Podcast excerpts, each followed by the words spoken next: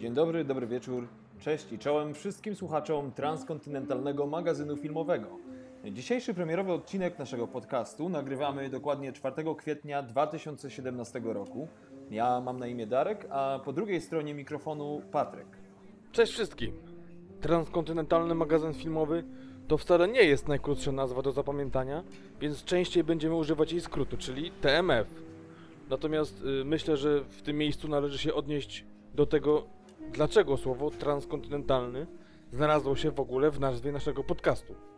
Otóż razem z Patrykiem znamy się od bardzo wielu lat, natomiast e, od kilku dobrych jesteśmy przedzieleni oceanem, a dokładnie atlantyckim. Okna mojego pokoju wychodzą na Brooklyn, e, jedną z pięciu gmin Nowego Jorku.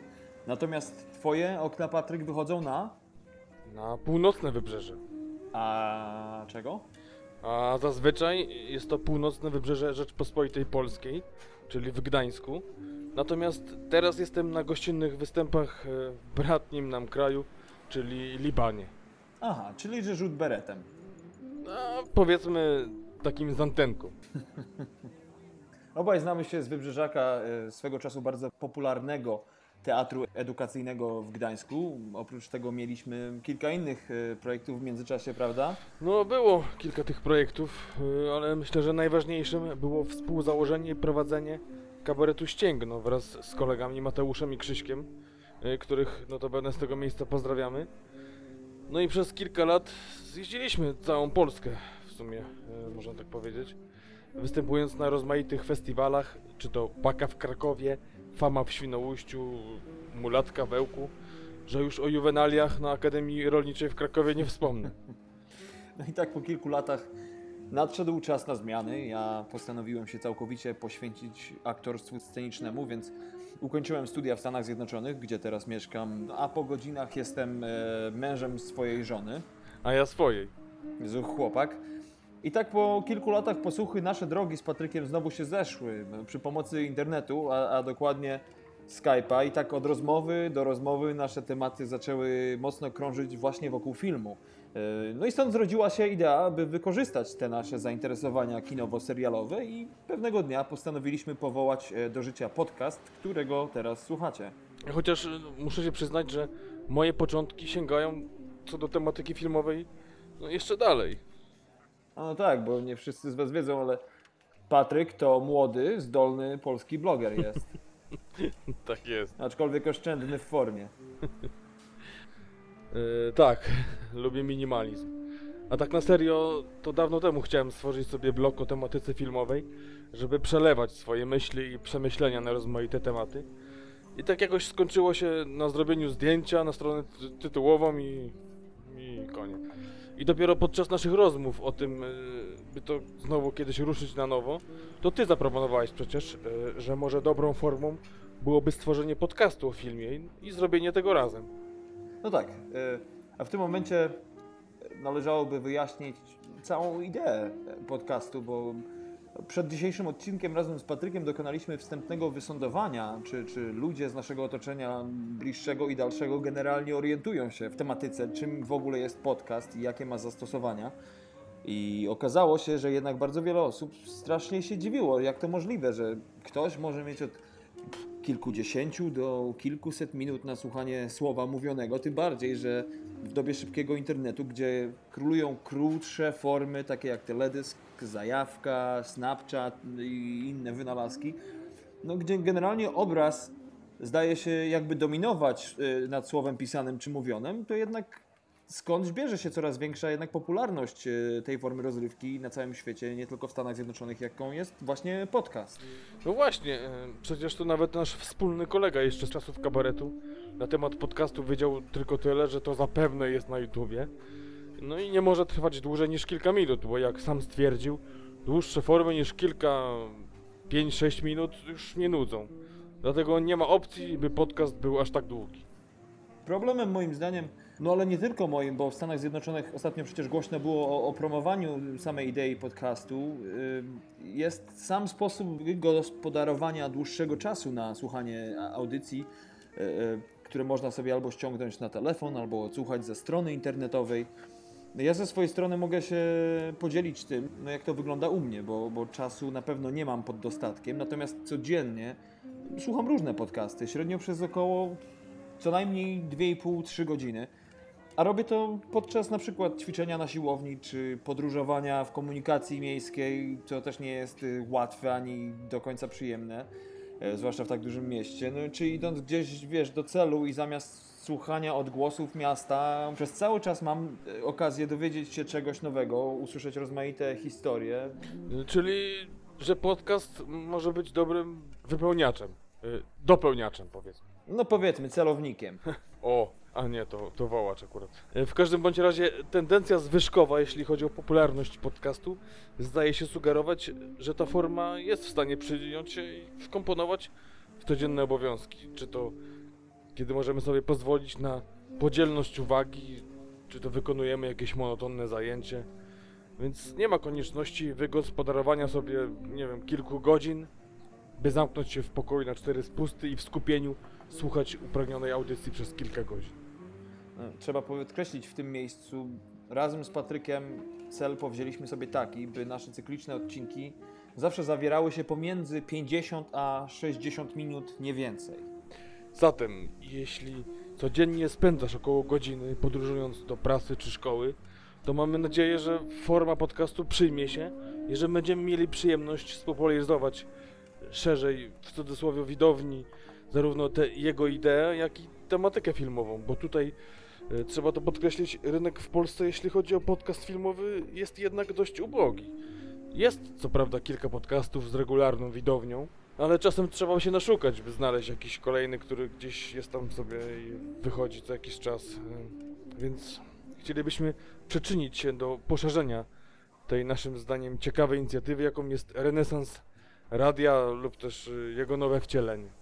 Jeśli chodzi o formę naszych audycji, skoro już mowa o naszym podcaście, to oprócz nowości i aktualności kinowo-filmowych, y, główną część naszej audycji będzie stanowić dyskusja o filmach, które albo mają wysokie oceny na rozmaitych portalach filmowych, ale z jakiegoś powodu y, zostały przeoczone lub zapomniane, lub też będą to takie filmy, których ocena naszym zdaniem jest niewspółmierna do poziomu, jakie one prezentują. Jest bowiem wiele takich perełek, które czy to na przykład na IMDb, Filmwebie, czy, czy innych stronach internetowych zostały ocenione powiedzmy między 6 a 7 na 10. I to pewnie przyczyniło się do tego, że przeszły one bez większego echa, co w wielu przypadkach, nie wszystkich, ale w wielu, jest naszym zdaniem niesprawiedliwe i no, łagodnie mówiąc dość pechowe.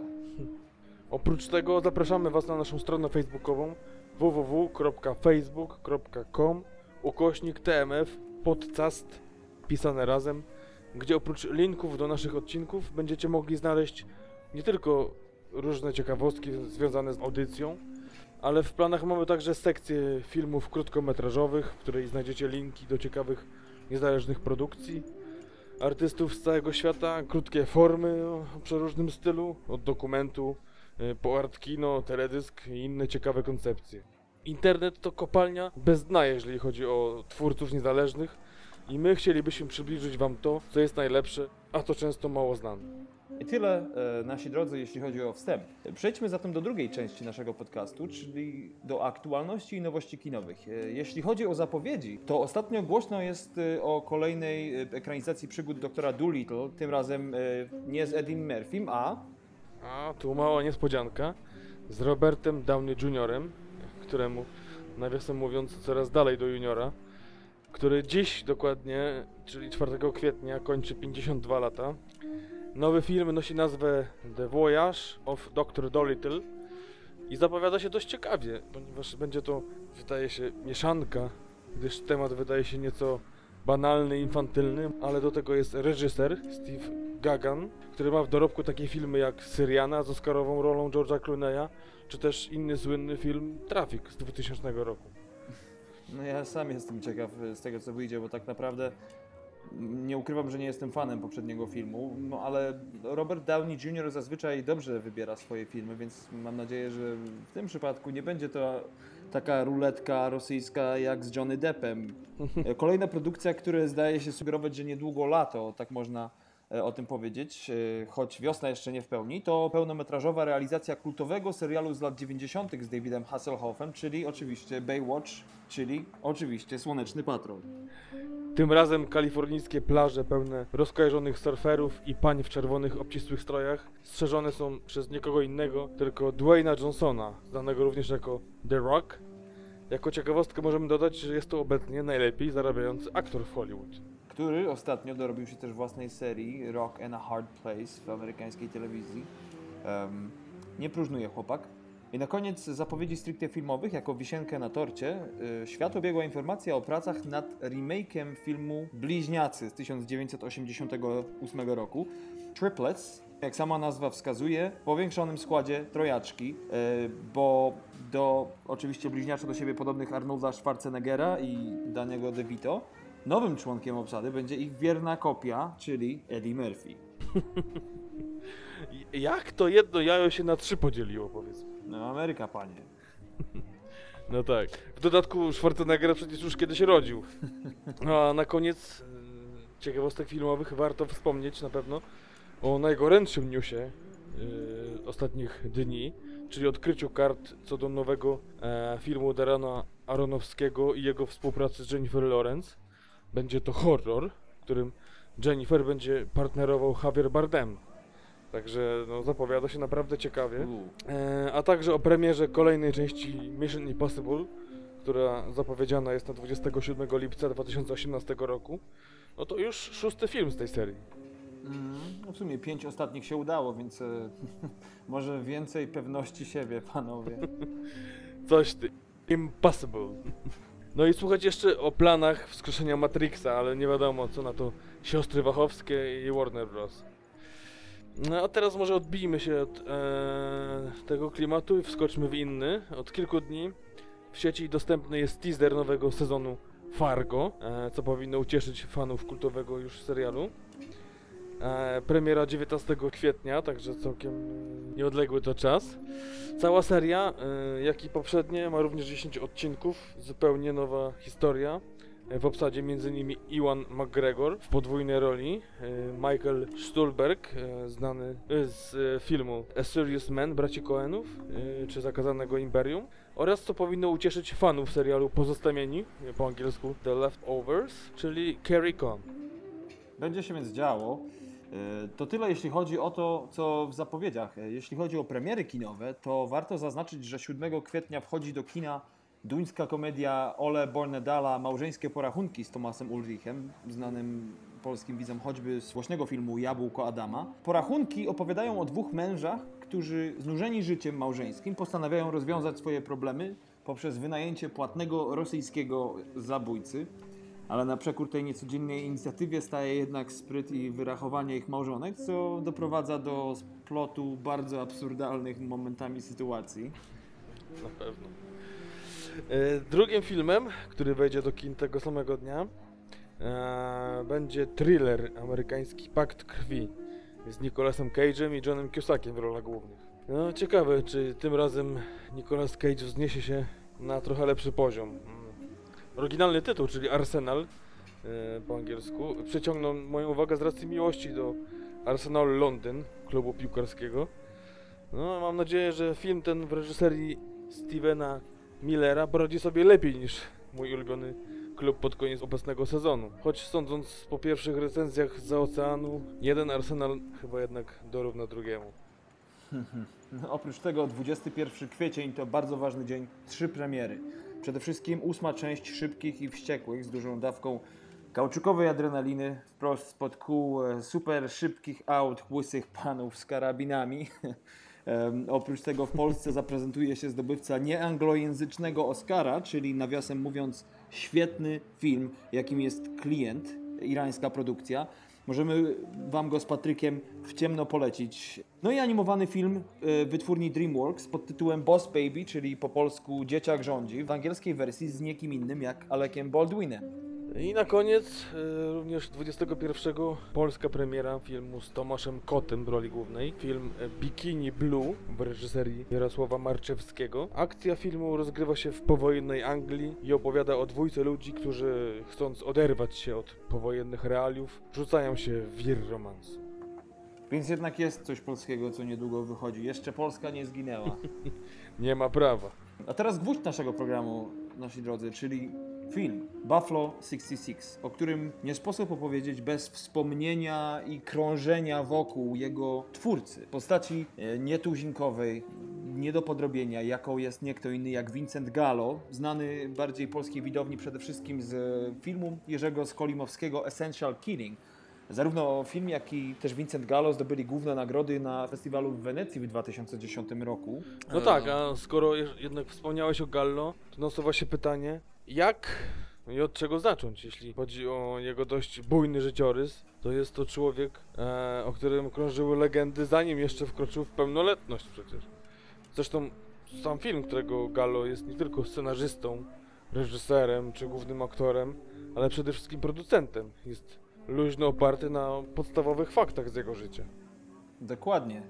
A skoro wspomniałeś o nich, to trzeba wiedzieć, że Vincent Gallo urodził się w 1962 roku właśnie w Buffalo, w y, mieście w stanie Nowy Jork, w rodzinie fryzjerki i zawodowego hazardzisty. I zanim przejdziemy do jego relacji z rodzicami, y, które jakby stanowią całe clue e, tego filmu, jako ciekawostkę należy podać, co Vincent, o czym już wspomnieliśmy, robił, właściwie czego to on się nie tknął, zanim nie ukończył 21 lat. Pewnie małego Fiata. Co innego Tom Hanks. No ale, no nieważne. Także to chyba tyle z tego, czego się nie tknął. A tak na serio, to rzeczywiście lista jego dokonań jest tak długa i różnorodna, że ciężko w to uwierzyć, że ten człowiek w ogóle miał czas na sen. Przecież w wieku 16 lat e, przerwał naukę w liceum, podróżował do Nowego Jorku, gdzie oprócz gry w rozmaitych zespołach muzycznych stał się obiecującym artystą, malarzem, którego wystawiano nawet na Manhattanie. Oprócz tego miał czas na to, by wziąć udział w spektaklu teatralnym w Rzymie, po włosku oczywiście. O. E, W międzyczasie udało mu się również zdobyć licencję zawodowego motocyklisty, zostać tancerzem hip-hopowym i breakdance'owym e, w tychże Włoszech. Pośród tych wszystkich wojaży udało mu się nawet dokończyć naukę, by potem na stałe wyjechać do Nowego Jorku i tam już się dopiero zaczęło na dobre. O, losie. Nie powiedzieć o nim, to, że to skomplikowana postać, e, no to jak nic nie powiedzieć. Tak. Sam Vincent zresztą nie lubi określać się jako filmowiec czy też muzyk, e, ale raczej jako człowiek, który uwielbia tworzyć i nie zgadza się na jakiekolwiek szufladkowanie go przez e, otoczenie. Jak to kiedyś powiedział w wywiadzie a propos tego, dlaczego nie robi tylko i wyłącznie filmów, to odpowiedział, że on nie lubi się powtarzać, tak jak inni reżyserzy. Buffalo 66 to jego pierwszy film, o którym on sam nigdy nie powiedział wprost, że to autobiografia, ale jakby przestudiować dobrze jego dzieciństwo i wspomniane już trudne relacje z rodzicami, to ciężko nie odnieść wrażenia, że jest to rozprawa twórcy filmu z przeszłością, a jeszcze trudniej, gdy dodamy to, że sceny e, w domu rodzinnym bohatera były nagrywane w faktycznym domu rodzinnym Vincenta Gallo w Buffalo. Skoro więc mamy już pewien przedsmak tego, czym ten film pachnie, należałoby pokrótce przedstawić jego fabułę, a jeszcze wcześniej e, genezę jego nazwy. Otóż e, nazwa Buffalo 66 po polsku oko w oko z życiem, e, nawiasem mówiąc, no dość e, osobliwe tłumaczenie, bierze się z tego, że w tym roku, 1966, miały miejsce dwa bardzo ważne wydarzenia, zarówno w życiu głównego bohatera, bo to rok jego urodzin, jak i w życiu jego matki, bo to rok, w którym ze względu na poród syna musiała odpuścić najważniejszy mecz jej życia, w którym jej ukochana drużyna futbolu amerykańskiego, czyli Buffalo Bills, po raz ostatni wygrali Super Bowl.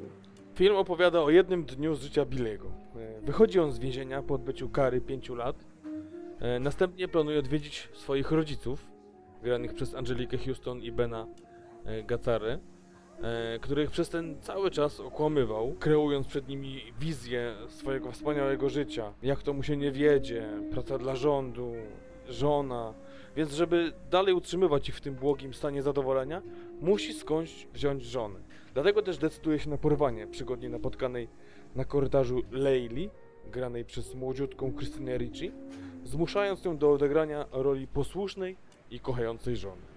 Cały ten wątek, jeśli chodzi o, o relacje z rodzicami, to chyba no, najważniejszy i najciekawszy w całej historii, ponieważ kiedy tylko widzimy relacje Bilego z jego matką i ojcem, to od razu przychodzi na myśl jego trudne dzieciństwo, samego Vincenta Gallo.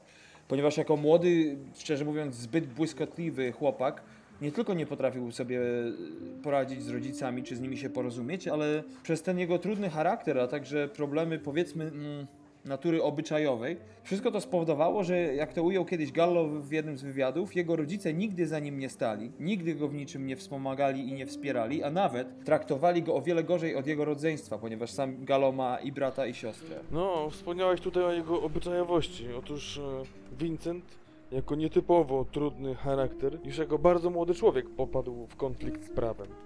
Został m.in. kilkukrotnie doprowadzany przez policję do domu za obnażanie się w miejscach publicznych, e, No tak. co spowodowało dalsze utrudnienia w relacjach z rodzicami. Pamiętam nawet jak Gallo wspominał e, w jednym z wywiadów, kiedy to oskarżał ojca o znęcanie się nad nim i bicie. Mm, Gallo powiedział kiedyś że- a propos matki, że nie tylko go obgadywała przy wszystkich klientach w jej salonie fryzjerskim, to jeszcze miał pretensje do ojca właśnie o to, że ten, wiedząc o jego no, niecodziennych problemach natury seksualnej, miał dwie drogi wyboru: albo wziąć winę za syna na siebie, albo zwalić ją w całości na niego. I stało się to według Vincenta drugie. No tak, wygodne. Scena w domu, nakręcona z rodzicami i młodym, udawanym małżeństwem, jest przepełniona niedopowiedzeniami, brakiem luzu, totalnym dyskomfortem, bo nikt tak naprawdę nie wie, o czym tu rozmawiać. Już na początku widzimy dystans ojca do syna, czy obsesję matki na punkcie futbolu. To jest nie do pomyślenia, że wydawałoby się ukochany syn wraca po latach do domu, a nawet w takim momencie dla matki ważniejszy jest sport w telewizji i to nie na żywo, to jeszcze przecież odtwarzane z kasety. No tak, no tutaj coraz bardziej daje do myślenia mi to, co powiedzieliśmy na początku, czyli dlaczego w ogóle główny bohater ucieka się do kłamstw, do udawania, że jest szczęśliwym mężem swojej szczęśliwej żony, by tylko dobrze wypaść przed rodzicami, z którymi jego kontakt jest dość nikły, żeby nie powiedzieć y, żadny, zerowy. Oczywiście bardzo ważny jest tutaj wątek wstydu, jakim jest sama odsiadka wyroku więziennego przez Bilego, ale problem, tak jak w przypadku samego Gallo, leży tutaj też w relacjach z rodzicami. Y, Te relacje zdają się być przynajmniej zachwiane i to zdaje się od dawien dawna. Przecież matka y, y, w filmie nie tylko nie słucha syna i nie pamięta na przykład o tym, że ma on alergię na czekoladę i kiedyś jako młody chłopiec mało nie zszedł z tego świata, A teraz e, matka, nie pamiętając o tym, stara mu się wetknąć pączki, ale także jest w filmie przecież taka scena, kiedy Leila prosi rodziców o zdjęcie Bilego z dzieciństwa, co wprawia rodziców w zakłopotanie, tym bardziej, że wiesz, w typowym amerykańskim domu, na typowych amerykańskich przedmieściach rodzice zdają się budować swoim dzieciom niemal ołtarzyki dokumentujące wszystkie najważniejsze wydarzenia w życiu ich dzieci. No tak, o ile jeszcze matka stara się przecież na, nawiązać jakikolwiek kontakt, kontakt z synem, z jego No żoną. jakiś tak. E, o tyle ojciec to kolejna para kaloszy, całkiem ciężkich. Jego, jego grobowa cisza przy stole, wybuchy agresji w stosunku do syna, przemieszane z nagłą, przesadną czułością w stosunku do synowej, y, rodzi obraz człowieka głęboko skonfliktowanego. Pa- Pamiętasz, y, jest taka umująca scena, kiedy dowiadujemy się o tym, iż kiedyś był on piosenkarzem o barwie głosu dorównującej samemu w Sinatrze. Na prośbę synowej w odosobnieniu prezentuje mu swój wokalny talent, co na chwilę jakby zatrzymuje czas akcji. Zresztą e, nie jedyny raz w tym filmie i, przenosi nas w czasy świetności papy. Kiedy Papa was a Rolling Stone, Amerykanie by powiedzieli. E, dodatkowego smaczku tej scenie dodaje fakt, iż głos w nagraniu to głos samego ojca Vincenta Gallo. E, został on nagrany przez 13-letniego Vincenta, który był zafascynowany talentem swojego taty. No trudno więc dalej naiwnie zadawać pytania, tak jak to mimo wszystko przez wiele lat czyniło bardzo wielu recenzentów i tak dalej. Czy to rzeczywiście nie autobiografia Gallo? Przecież nawet y, przed premierą filmu, pamiętasz, Gallo zorganizował huczny piknik y, rodzinny w Buffalo, po którym Zabrał całą swoją rodzinę, wpakował w luksusowe auta, zawiózł do kina i po wyjściu z premiery jeden z jego kuzynów na pytanie, co myśli o filmie, powiedział mediom, że gdyby Gallo zrobił ten film o jego rodzicach, to dostałby po zębach. Szczerze mówiąc, wcale mu się nie dziwię, bo, bo to, co przedstawia film, nie jest obrazem łagodnym. No. Kto wie, jak to tak naprawdę było między nimi. Czy, czy siadali przy stole i kłócili się, czy też nie mieli sobie nic do powiedzenia. Ale, nie wiem, dla potrzeb filmu może postaci rodziców były nieco przerysowane, by wzmocnić znaczenie odgrywanych scen. W sumie nie Mhm. wiadomo.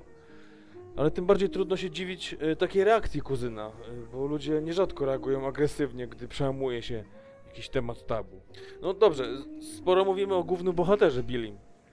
E, ale przecież film nie byłby tym, czym jest, gdyby na jego drodze nie stanęła Leila, grana przez wspomnianą Christine Ricci. Młoda, 17-letnia dziewczyna, której lekko zaokrąglone kształty w połączeniu z niebieskimi oczami sprawiają, że na tle demonicznego Bilego wygląda dość anielsko. No wiesz, to moim zdaniem celowy był zabieg reżysera, bo aparycja to jedno, ale i wiesz, kolorystyka ich ubioru uwydatnia tak naprawdę, z kim mamy do czynienia, nawet gdyby powiedzmy film był filmem niemym, bo o samej dziewczynie, wiesz, wiemy mniej więcej tyle co nic. Poznajemy ją w studiu tańca, do którego udaje się Billy w poszukiwaniu toalety. Y, Młoda, blond włosa, y, na niebiesko ubrana dziewczyna. y, No i w momencie, kiedy spotyka Bilego na korytarzu i, i, i zostaje porwana, nie protestuje w zasadzie, nie, nie krzyknie, nie uderzy Bilego.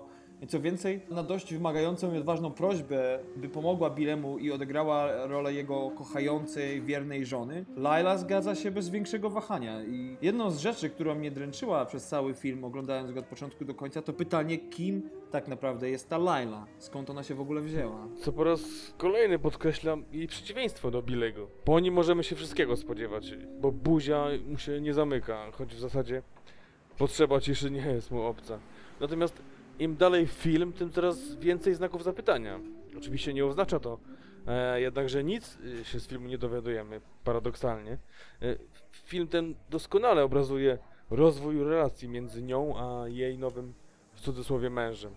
Y, Bo co prawda ciężko jest znaleźć odpowiedź na pytanie dlaczego ta tak diametralnie różna od siebie dwójka ludzi, jakby z kompletnie dwóch różnych filmów, ląduje w jednym miejscu o tym samym czasie. Angaż Christiny Ricci jest moim zdaniem strzałem w dziesiątkę, bo pomimo iż na planie przeszła niemałą gehennę, jeśli chodzi o współpracę z Galo, o czym nie omieszkamy jeszcze opowiedzieć Wam w dalszej części, e, w tym filmie gra naprawdę bardzo czysto i bardzo precyzyjnie, bo wiesz, sam jako aktor, a, a bycie aktorem naprawdę e, potrafi być przekleństwem, bo, jeśli chodzi o na przykład odbiór, czy to jest filmu, czy sztuki, bo człowiek skupia się na detalach, które zwykle, zwykłej widowni przechodzą obok. E, To rzeczywiście jestem pod wrażeniem jej gry, bo jest to bardzo swobodna, lekka gra, precyzyjna. Bo wydaje mi się, że najtrudniejszym zadaniem Richie w tym filmie było to, że żeby jej granie nie kontrastowało z jej niewinnym wyglądem. I moim zdaniem obie rzeczy idą tutaj w parze i wychodzą jej rewelacyjnie, za co moim zdaniem należą jej się brawa. Trzeba tutaj dodać, że Leila nie jest tylko posłuszną, cichą dziewczynką, e, bo film na szczęście ma momenty, których to ona przejmuje pałeczkę i na nią jakby skierowana jest uwaga. Jeden z najpiękniejszych momentów w tym filmie dzieje się podczas sceny w kręgielni, no ale powiem tylko tyle, bo tę scenę, tak jak i cały film, po prostu koniecznie musicie zobaczyć. Ważne jest również to, że ten film jest pełen innych, które tylko dopełniają obrazu głównego bohatera. Mówiliśmy już o tym, w jaki sposób zostali przedstawieni rodzice. Dla mnie pewne jest natomiast to, że film y, to nie jest jednostronny komentarz. Tutaj mając na myśli na przykład y, oskarżenia o to, że jest to jakiś cios wymierzony w rodziców, chociażby ty wspomniałeś o kuzynie, e, że ten film na przykład, tak jak wielu ludzi y, niekiedy zarzucało Galo, że stawia głównego bohatera w lepszym świetle, bo przecież kolejne sceny w- w filmie, e, jak na przykład relacje jego z, z choćby Ciołkiem, jego najlepszym kumplem, czy, czy właścicielem wspomnianej kręgielni, ukazują e, Bilego jako człowieka pełnego sprzeczności, na rozdrożu, do człowieka, który zdaje się mimo wszystko wiedzieć, gdzie leży dobro, a gdzie leży zło, ale niestety często, albo istety, zdarza mu się o tym zapomnieć. Co jeszcze lepiej kontrastuje z Leilą, bo sprawia, że choć mocno rozgadany, kanciasty w swoim wyglądzie i neurotycznych ruchach Billy, zdając się, że dominuje w scenach, tak naprawdę przy stoickiej Leili maleje nam w oczach. E, To jeszcze bardziej ubarwia głównego bohatera i to ciekawe, wcale nie bez sensu staje się stwierdzenie, że sposób w jaki przedstawiony został jego dom rodzinny jest przynajmniej częściowo odpowiedzią na pytanie, dlaczego Billy jest tym, kim jest, a, lub e, dlaczego jego relacja z zewnętrznym światem jest pełna alienacji i pretensji. Co jeszcze na koniec wejdzie w audycji, e, ale też łączy się z samym Vincentem Gallo, jednym z naj- najbardziej znienawidzonych ludzi w Hollywood, który nomen omen mieszka nie gdzie indziej, tylko oczywiście w Hollywood. Mhm. No ktoś by powiedział, że wiesz, wrogów trzymaj blisko, a przyjaciół na dystans. Hmm. E, No dużo można opowiadać o pojedynczych scenach filmu, który e, rodził się przecież w niemałych bólach, które też miały swoją kontynuację i po jego premierze. No ale y, nie, nie chcemy tutaj zdradzać wam wszystkiego. Jest natomiast powód, dla którego Buffalo 66 stał się bardzo krótkim czasie bardzo filmem kultowym. I to chyba jest najlepsza rekomendacja. Bo film e, jako film to jedno, ale jego twórca to drugie. I ze względu na samego Gallo, film był, czy w zasadzie jest często odbierany przez pryzmat tego, że zachowanie twórcy nie różni się zazwyczaj od e, czystego wariactwa. Vincent Gallo, czy to w wywiadzie prasowym, czy to na przykład e, podczas audycji e, u kultowej postaci amerykańskiej telewizji e, i radia, czyli Howarda Sterna, nie owija w bawełnę. Jest zazwyczaj bardzo szczery, e, nie boi się otwarcie mówić o swoich maniach i lekkich odchyłkach od normy, ale też nie stroni od bezpardonowych ataków na inne postaci, takich jak na przykład Martin Scorsese, Tarantino czy Spike Jones, którym zarzuca nudziarstwo i przeciętność. Tak naprawdę niewielu pozostało w Hollywood twórców, których e, Gallo by nie skomplementował. Hm, W cudzysłowie. Tak. No to prawda, no bo sam wiesz, tak naprawdę nie wiem co o nim myśleć. E, Taki chaos wprowadza moją głowę e, sam Vincent. Natomiast wracając jednak do filmu, to jedna rzecz to właśnie jego dzieło, a druga to samo jego zachowanie podczas powstawania filmu, wiesz, bo zaczyna się od tego, że Gallo ma ogromne pretensje do inwestorów, którzy jego zdaniem, widząc jak bardzo zależy mu na powstaniu e, swojego filmu, obcinają mu fundusze, by zmaksymalizować swoje zarobki. E, Następnie dochodzi do tego samo kręcenie i, i etap postprodukcji filmu, no, który jest jednym wielkim teatrem przecież. W zasadzie nie ma osoby na planie i poza nim, które by Vincent nie obraził, nie starał się zdominować, wiesz, od biednej Richie, dla której praca z wymagającym reżyserem przecież była czysta gehenna, co wielokrotnie zresztą podkreślała w wywiadach i to kilka lat później. Choć też w niejednym z kolei powiedziała, że film jednak wyszedł niezły. Tym bardziej teraz z perspektywy czasu, jak wiadomo jaki to, jaki to film. Widać, że po, potrafiła się zdystansować jakby od jej przeżyć z tamtego okresu. Pamiętasz jeszcze oprócz tego, Gallo przecież nie miał też łatwo z Angeliką Houston, to jest ciekawa sprawa. No, raczej na odwrót. Gwiazda jej formatu na pewno nie dała się wmanewrować nic, e, ale najciekawsze jest to, e, co takiego się stało po kilku latach, kiedy Galo oskarżył ją o sabotaż, e, jakiego miało się dopuścić. Otóż według Galo miało ona sprawić, że jego dzieło nie dostało się do konkursu głównego na festiwalu w Cannes w 1998 roku. Wiesz, ja bym postawił pieniądze na to, że Houston jako pewnie jedna z nielicznych osób na planie umiała się Gallo przeciwstawić. To tylko, wiesz, wprawiło Gallo we wściekłość. Natomiast, e, wiesz, sam mimo wszystko nie pozwolił sobie, to też dużo mówi, na wyzwiska w jej stronę, bo, bo, bo nie znajdziesz w zasadzie żadnych informacji na ten temat, czego nie można powiedzieć o wypowiedziach e, Gallo pod adresem innych osób. Pamiętam taką anegdotę. E, kiedyś ktoś spytał Galo e, o to, jak mu się w ogóle udało zatrudnić taką gwiazdę jak Angelika Houston do, do swojej małej, niezależnej produkcji. Na co on powiedział sucho: Zapłaciłem jej. Jako kolejną ciekawostkę można dodać, że, że jej garza wyniosła dokładnie jedną piątą półtora milionowego budżetu filmu, czyli 300 tysięcy dolarów. Tak, a Em, sama, sama jej peruka ponoć 20 tysięcy. No to już nie chcę się spytać, z czym jej robili kanapki. Jeśli ktoś zechce, e, to może się pastwić nad e, wieloma rzeczami w tym filmie, co zresztą wielokrotnie uczynili e, rozmaici krytycy, którzy po jakimś czasie jednak zmieniali swoje zdania. Natomiast moim zdaniem ogromna wartość e, dodaną e, filmu jest e, tak naprawdę jego podstawowa składowa, czyli zdjęcia. Kadry, kolorystyka e, czy montaż są naprawdę wysokiej jakości. Natomiast poruszam te kwestie również w nawiązaniu do już wielokrotnie wspomnianego Vincenta Gallo. Otóż e, pierwotnie za zdjęcia miał odpowiadać wcześniej nikomu nie za bardzo znany Lens Accord, e, polecony przez znajomą osobę Gallo.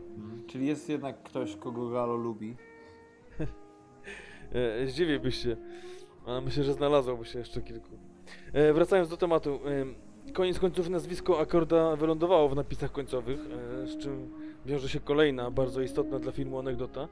E, otóż e, podobno, gdy tylko zdjęcia do filmu spotkały się z głosami uwielbienia, e, do akcji wkroczył sam Gallo, e, opowiadając wszystkim e, wszem i wobec, że to on sam odpowiada za, właściwie za wszystko to, co widzimy na ekranie, a Akord to tylko i wyłącznie pionek, osoba bez jakiejkolwiek koncepcji, wizji czy gustu.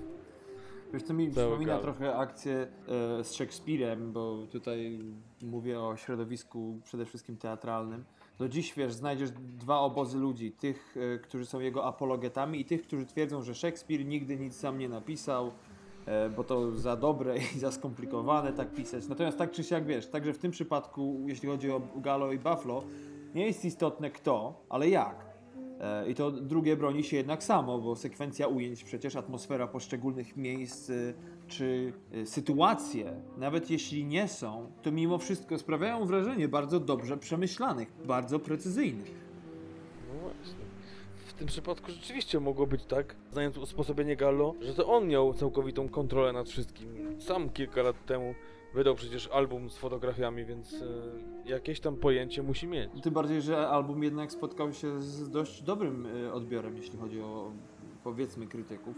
Tak naprawdę ciężko jest temu człowiekowi cokolwiek udowodnić. To znaczy, wiesz, film jest i film jest kultowy.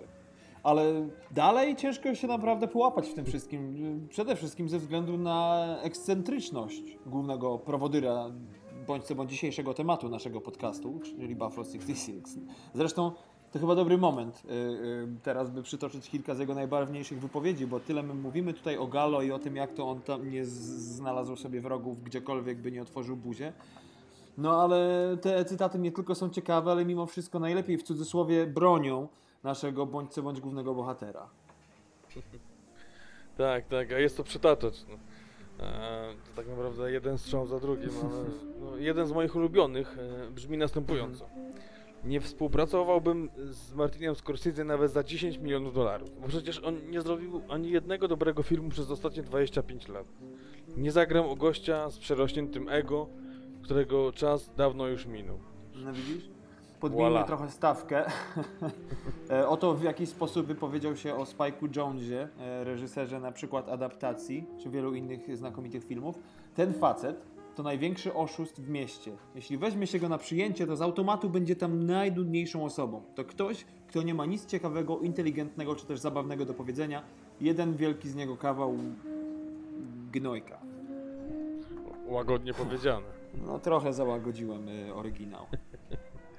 Delikatnie wypolerowałeś.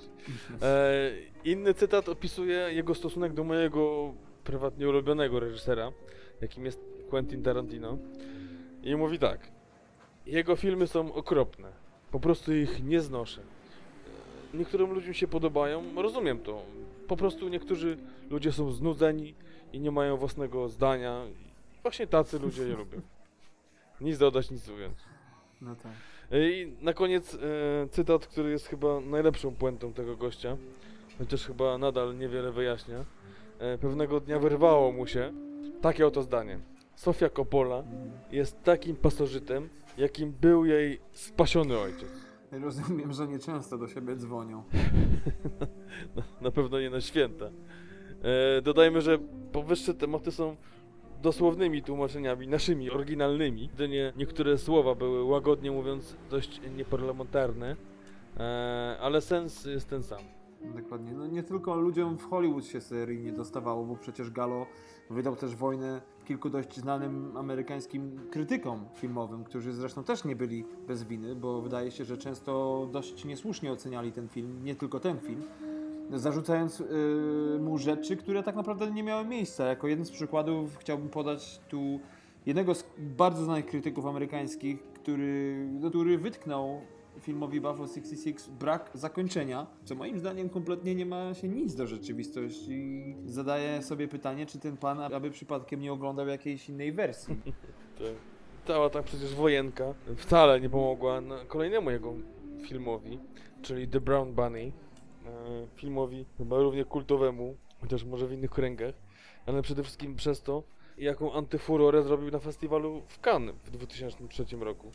E, Oskarżony o nieuzasadnione użycie pornografii. Tutaj należy wyjaśnić, o co w ogóle poszło i trochę wziąć e, Vincenta w obronę. E, Problemem filmu było to, e, że przez jakieś umowy sponsorskie, kontrakty musiał być e, pokazany w Cannes e, i został pokazany w stanie nieukończonym. E, Ale głosy, że film był tak nudny, że ludzie podobno wychodzili po pierwszych 10 minutach, to rzecz dla mnie kompletnie niezrozumiała. No. Sam oglądałem ten film kilka dni temu i muszę stwierdzić, że może niekoniecznie dorównuje temu e, omawianemu dzisiaj. No. Aczkolwiek e, nie jest bynajmniej tak zły, by powodować tak gwałtowne reakcje widzów e, w tak krótkim czasie. No oczywiście, tym bardziej, że wiesz, internet nie zawsze jednak bywa obiektywny.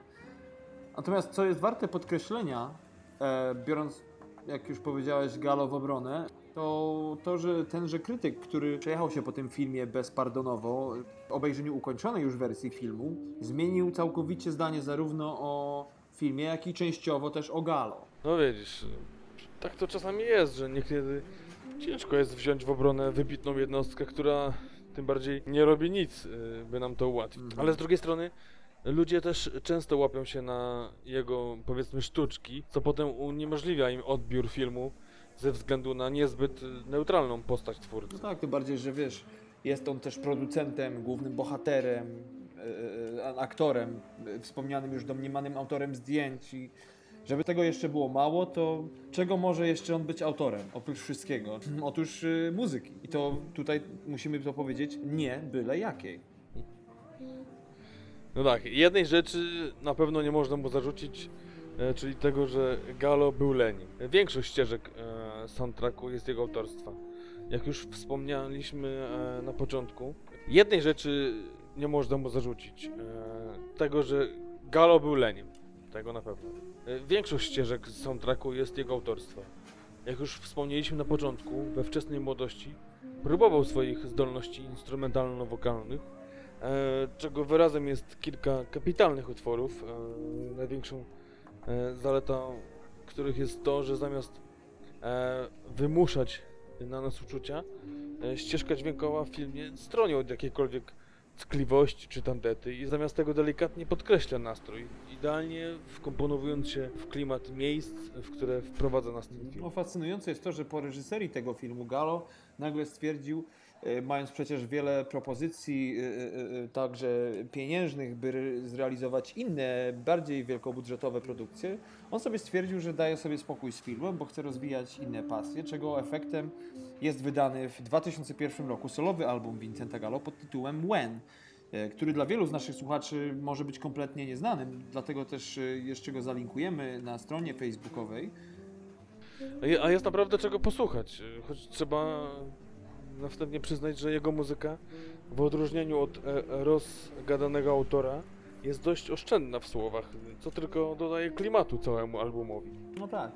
Kiedy przygotowywaliśmy się z Patrykiem do tego odcinka, za najtrudniejsze uznaliśmy to, w jaki sposób opowiedzieć o filmie, przede wszystkim nie zdradzając zbyt wiele, oraz jak zachęcić Was do obejrzenia tej kultowej pozycji kina niezależnego, a z drugiej strony nie zrażając Was do niego poprzez przybliżenie Wam postaci Vincenta Gallo. Postaci dość kontrowersyjnej, o czym mieliście okazję już usłyszeć dzisiaj. No jedno natomiast wiedzieliśmy. Absolutnie nie moglibyśmy pominąć jego osoby, e, ponieważ wokół niej wszystko się kręci. No, film składa się z wielu scen, które aż no, cisną się na usta, by je opisać. Wierzcie, że, że jest wiele scen, które potrafią poruszyć nie tylko w warstwie artystycznej, ale i emocjonalnej. Sama scena w domu e, rodzinnym Billego, której nakręcenie trwało 3 dni, jest pełna rozmaitych smaczków. E, Tak samo można powiedzieć o kręgielni, która jest chyba jedną z najbardziej zaskakujących z kolei. Pamiętasz, jest też scena, która jest jedną z moich ulubionych, e, a która jest chyba jedną z nielicznych, jeśli nie jedyną, która zaskakuje nas, głównie przez to, że stylistycznie odbiega od reszty scen. To tak jakby Gallo poprosił o pomoc w jej nakręceniu nikogo innego jak Quentina Tarantino, którego już, e, jak wcześniej wspomnieliśmy, zbytnio nie ceni. Ale scena powstała i animozje Vincenta tego nie zmienią. To opowieść niebanalna o niebanalnym człowieku, nakręcona, zrealizowana przez niebanalnego człowieka. Ale warto też powiedzieć o tym, że jego poszczególne składowe, czyli zarówno gra aktorska, dialogi, jak i też ujęcia czy wspomniana już muzyka, tworzą obraz człowieka, który nie tylko silnie oddziaływuje na otoczenie, ale przede wszystkim sam i można powiedzieć na szczęście czegoś się uczy. No moim zdaniem, wiesz, to, to duży kunszt, e, by w filmie zawrzeć nie tylko powagę i humor, e, czy momenty pełne konsternacji i niedopowiedzenia, ale także miłość, dla której e, także znalazło się to miejsce. Co ciekawe, przecież sam Gallo uważa swój film za musical, to jednak ciężko zrozumieć. No chyba, Także nie bójcie się. E, Ci, którzy nie lubią musicali, to nie jest raczej musical. Chyba, że to taki, wiesz, bardzo nieortodoksyjny, bo jednak Tak. wielu reguł muzykalowych, oprócz powiedzmy sceny śpiewu ojca Bilego się jednak nie trzyma. Nic o tym filmie nie jest łatwo powiedzieć. Ale koniec końców jest to obraz, których szuka się ze świeczką, to na pewno. Do obejrzenia, którego jeszcze raz Was zachęcamy. Zachęcamy Was również do tego, byście podzielili się z nami Waszymi odczuciami co do tego filmu, umieszczając je w komentarzach na naszej stronie facebookowej www.facebook.com ukośnik TMF podcast pisane razem. E, no, mamy nadzieję, że jeśli spodobał Wam się nasz podcast, e, to że polecicie go Waszym znajomym. E, chcemy, by nasz podcast rozwijał się, e, co doprowadzi także do ulepszenia jakości głosu, e, czy to Brooklyn, Liban, czy też Skierniewice. Dokładnie, nigdy nie znasz dnia ani godziny. żebyś wiedział. W naszych planach jest to, aby audycja nasza ukazywała się dość regularnie, co dwa tygodnie i mamy nadzieję, że stanie się ciekawą propozycją wypełnienia waszego czasu. E, Czy to jedziecie samochodem, e, pracujecie w biurze, czy gotujecie w kuchni. Nie będziemy się trzymali jednego gatunku, czy też jednego okresu, a wręcz przeciwnie, postaramy się urozmaicić Wam Waszą bibliotekę filmową pozycjami, naszym zdaniem, bardzo ważnymi, a, a przez historię nieco no, zapomnianymi, yy, czy niesłusznie ocenionymi. Tak, dziękujemy Wam jeszcze raz za spędzenie czasu z TMF-em, czyli transkontynentalnym magazynem filmowym. Zapraszamy Was jeszcze raz na naszą stronę facebookową www.facebook.com ukośnik TMF podcast pisane razem.